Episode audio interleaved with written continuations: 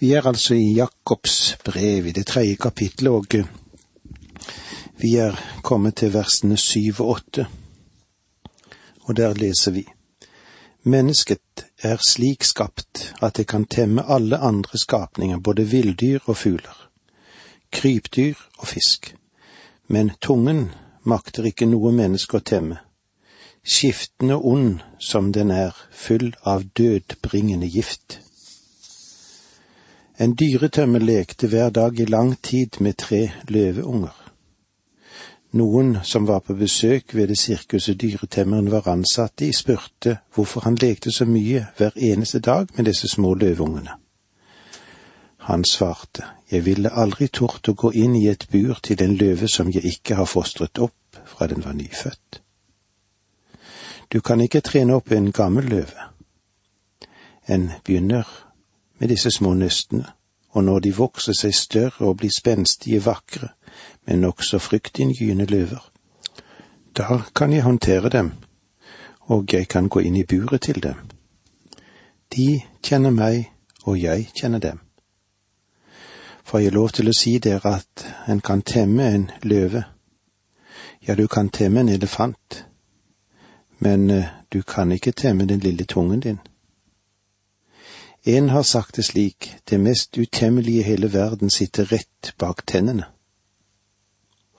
Det er et lite vesen som ingen zoologisk hage kan ha i fangenskap.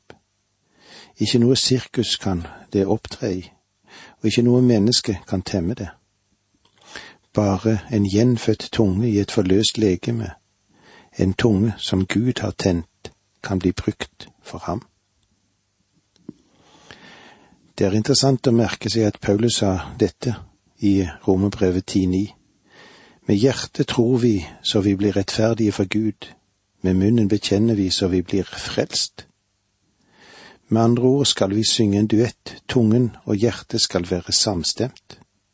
Og Jesus sa det slik, det hjertet er fullt av talemunnen. Det står i Matteus 12. Det som er i hjertet kommer ut via tungen. Det som finnes i ditt hjerte vil du før eller senere gi uttrykk for. Det er interessant at da Herren kom til den stumme mannen, så refererer evangelieforfatteren dette slik. Han rørte ved munnen hans, eller han rørte ved leppene hans. Om han har rørt ved deg, så har han også rørt ved munnen din. Mennesket er slik skapt at det kan temme alle andre skapninger, både villdyr og fugler, krypdyr og fisk men tungen makter ikke noe mennesker å temme. Skiftende og ond som den er full av dødbringende gift. Den utemmede tunges vesen er absolutt motstand mot å bli temmet av den menneskelige natur. Ettersom vi mennesker er i stand til å temme alle slags dyr, men ikke makter å temme vår egen tunge, betyr det at tungen er like ustyrlig som et villdyr og med uttrykket full av dødbringende gift er det giftslangen som blir brukt som bilde på den tøyleløse tungen. Vers ni og ti her i kapittel tre. Med den lovpriser vi Herren og Faderen, og ved den forbanner vi menneskene som er skapt i Guds bilde. Fra samme munn kommer det både lovprisning og forbannelse. Slik må det ikke være, mine brødre. Tungen som du og jeg har, er i stand til å prise Gud eller til å spotte Gud. Som jeg har sagt tidligere, så er tungen det som løfter mennesket opp over dyreverden. Mennesket er ikke en plaprende ape eller en papegøye. Mennesket kan kommunisere med mennesket, og mennesket kan kommunisere med Gud. Når et menneske kan synge som en engel på søndagen og snakke som en demon, i uken ellers, så kan du vel betegne vedkommende som du vil. Men Bibelen kaller en slik person en hykler. En gang fikk jeg en hilsen fra en av våre lyttere. Han hadde lagt ved et lite blomsterkort med et skriftsted, og eh, det var fra Kolosseerne 4.17. Pass på den tjenesten du har fått av Herren, så du fullfører den. Han hadde følgende underfundige kommentar til skriftstedet og sa, Husk at det ikke bare gjelder lengden på det du holder på med, men først og fremst kvaliteten. Det går ikke så bra om du har en tunge som bærer et annet budskap. Versene elleve og tolv Strømmer det vel friskt og bitter vann fra samme kilde? Mine brødre, kan et fikentre bære oliven eller et vintre bære fiken? Like lite kan en saltkilde gi ferskt vann. Med andre ord kan et menneske være én med to ansikter, med en kløyvd tunge. Han kan si både det gode og det onde. Men ingen kilde kan bære både godt og dårlig vann, og et tre kan heller ikke bære både fikener og oliven. Nei, det er slik tungen åpenbarer den sanne tro, hva det nå måtte være, for det er med tungen man bekjenner det som bor i hjertet vers 13.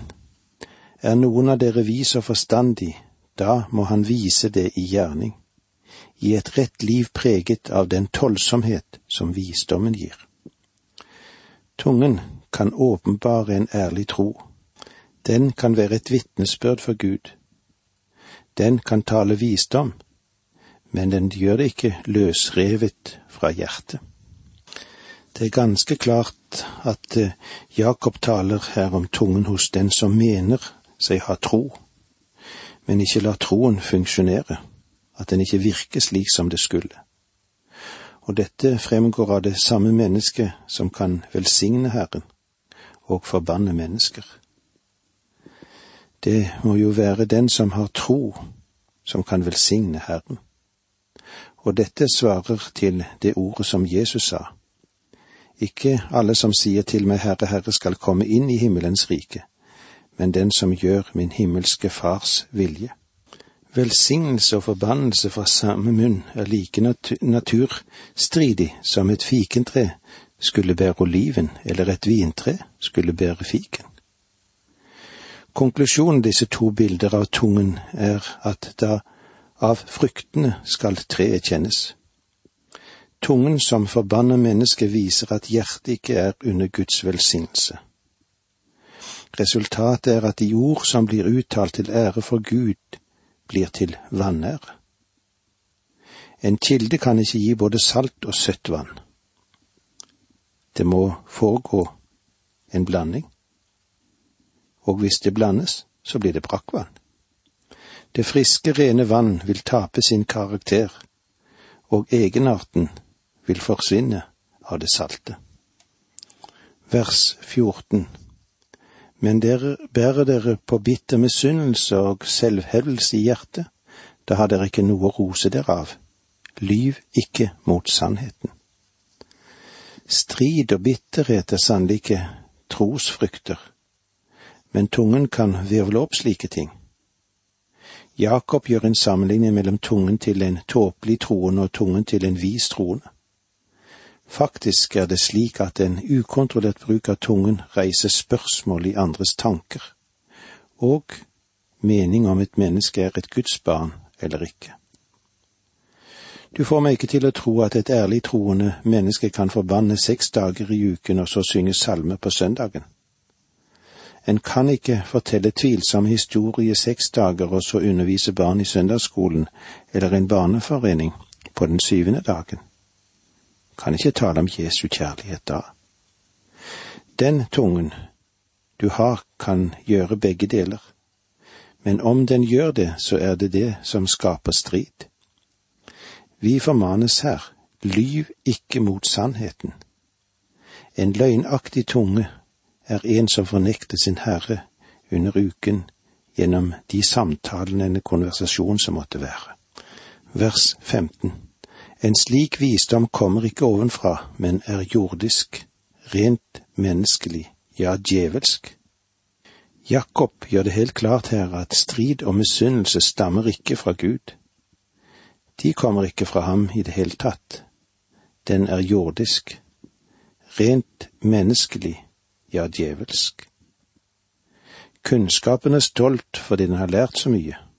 Visdommen er ydmyk fordi den ennå ikke vet mer Og med disse ordene sier vi takk for nå, må Gud være med deg.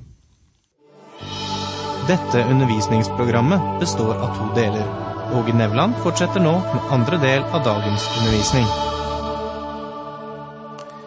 Vi er i Jakobs brev i det tredje kapitlet, og vi ser hvordan det er når Gud får styre oss og hjelpe oss, og hvor vi må være på vakt hele tiden. I vers 15 leser vi slik, en slik visdom kommer ikke ovenfra, men er jordisk, rent menneskelig, ja djevelsk. Det som er viktig for oss, er at vi må søke visdommen ovenifra. Den sanne visdommen er ikke et barn av forstanden, men av hjertet. Den består ikke bare av det vi vet, men av hva vi er. Det er denne betydningen den brukes i de første kapitlene og i Salomos ordspråk, og det finner vi òg i Jobb 28. Enkelte som bekjenner at de er vise, er smålige, ja, de er sjalu, og de forakter andre og mener at de er overlegne. Denne ånden er ikke ovenifra, den er nedenifra. De egenskapene som karakteriserer den sanne visdom, følger som perle på en snor. Først renhet, så fredsommelighet. Det karakteriserer den sanne visdommen, det. Først det hellige hjertet, så et hjerte som er rimelig og ettergivende. Nåde og gode gjerninger følger hverandre. Gjør ikke forskjell, hykler ikke. Når den fredselskende sjelen går gjennom verden, planter han fredens sæd omkring seg. Den som skal vokse opp til rettferdsfrykt, de som i fred sår fred, skal høste rettferdshøst, som våren så høsten.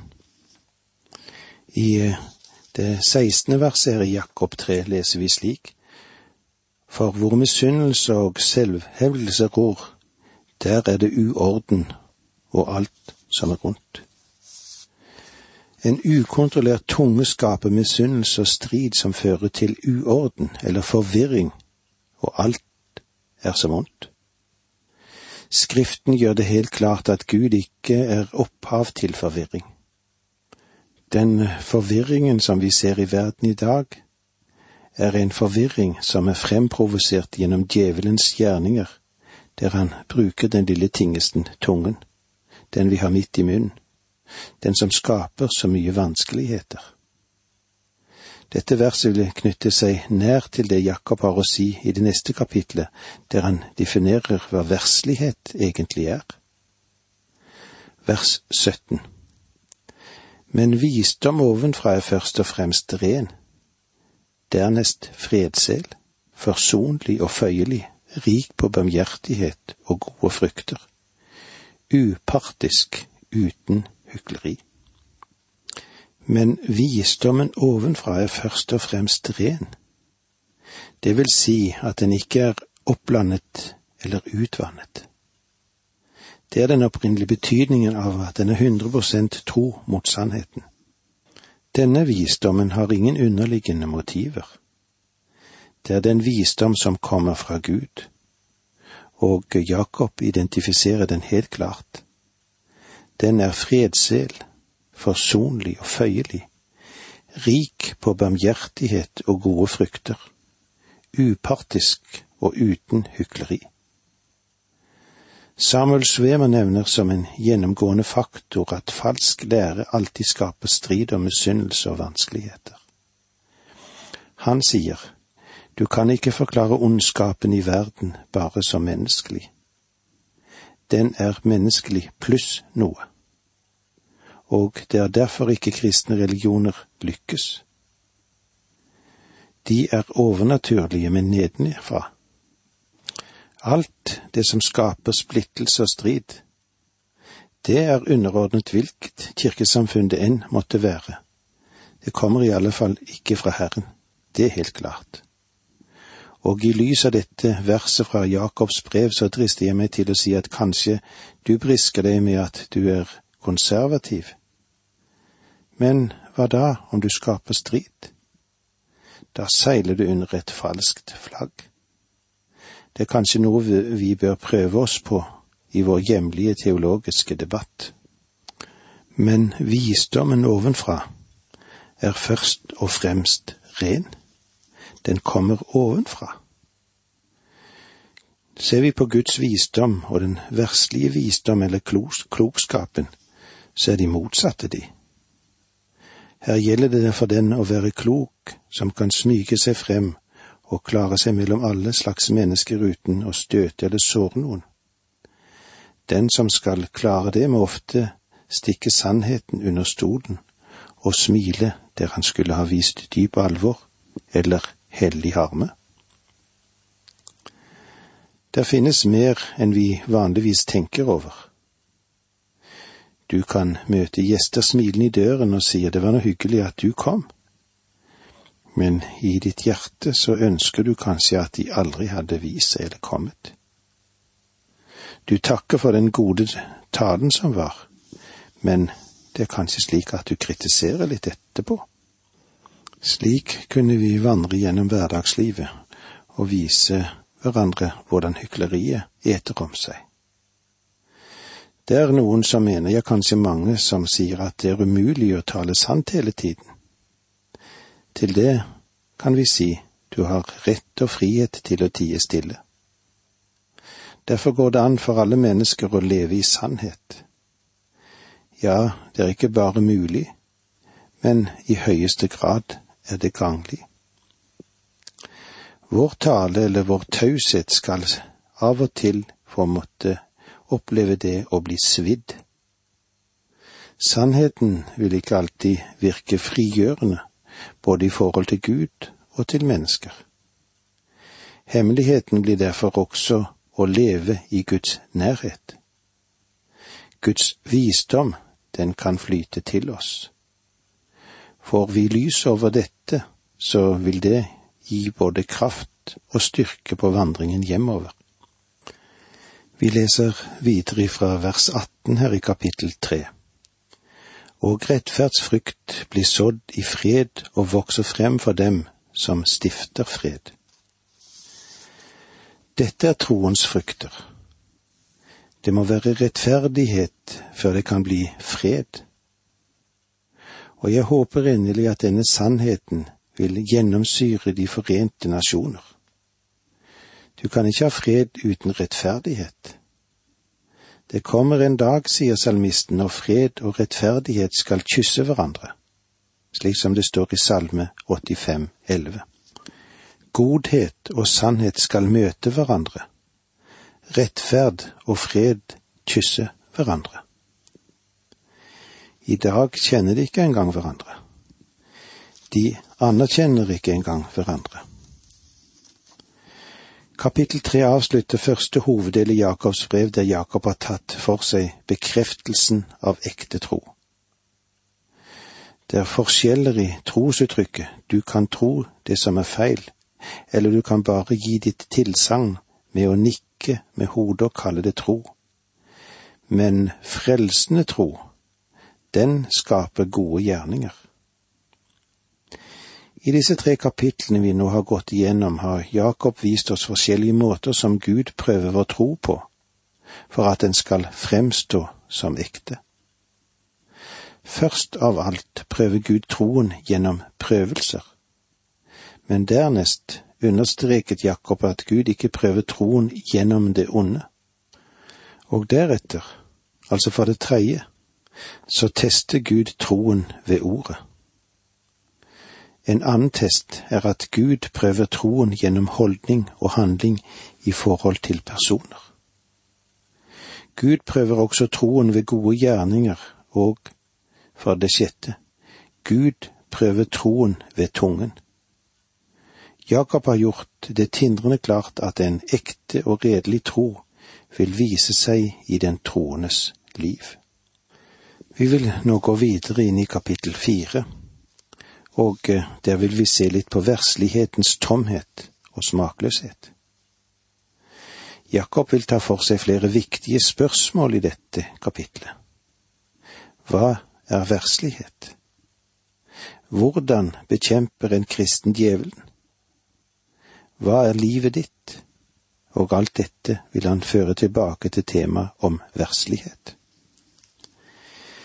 Jakob vil først svare på spørsmålet hva er verslighet?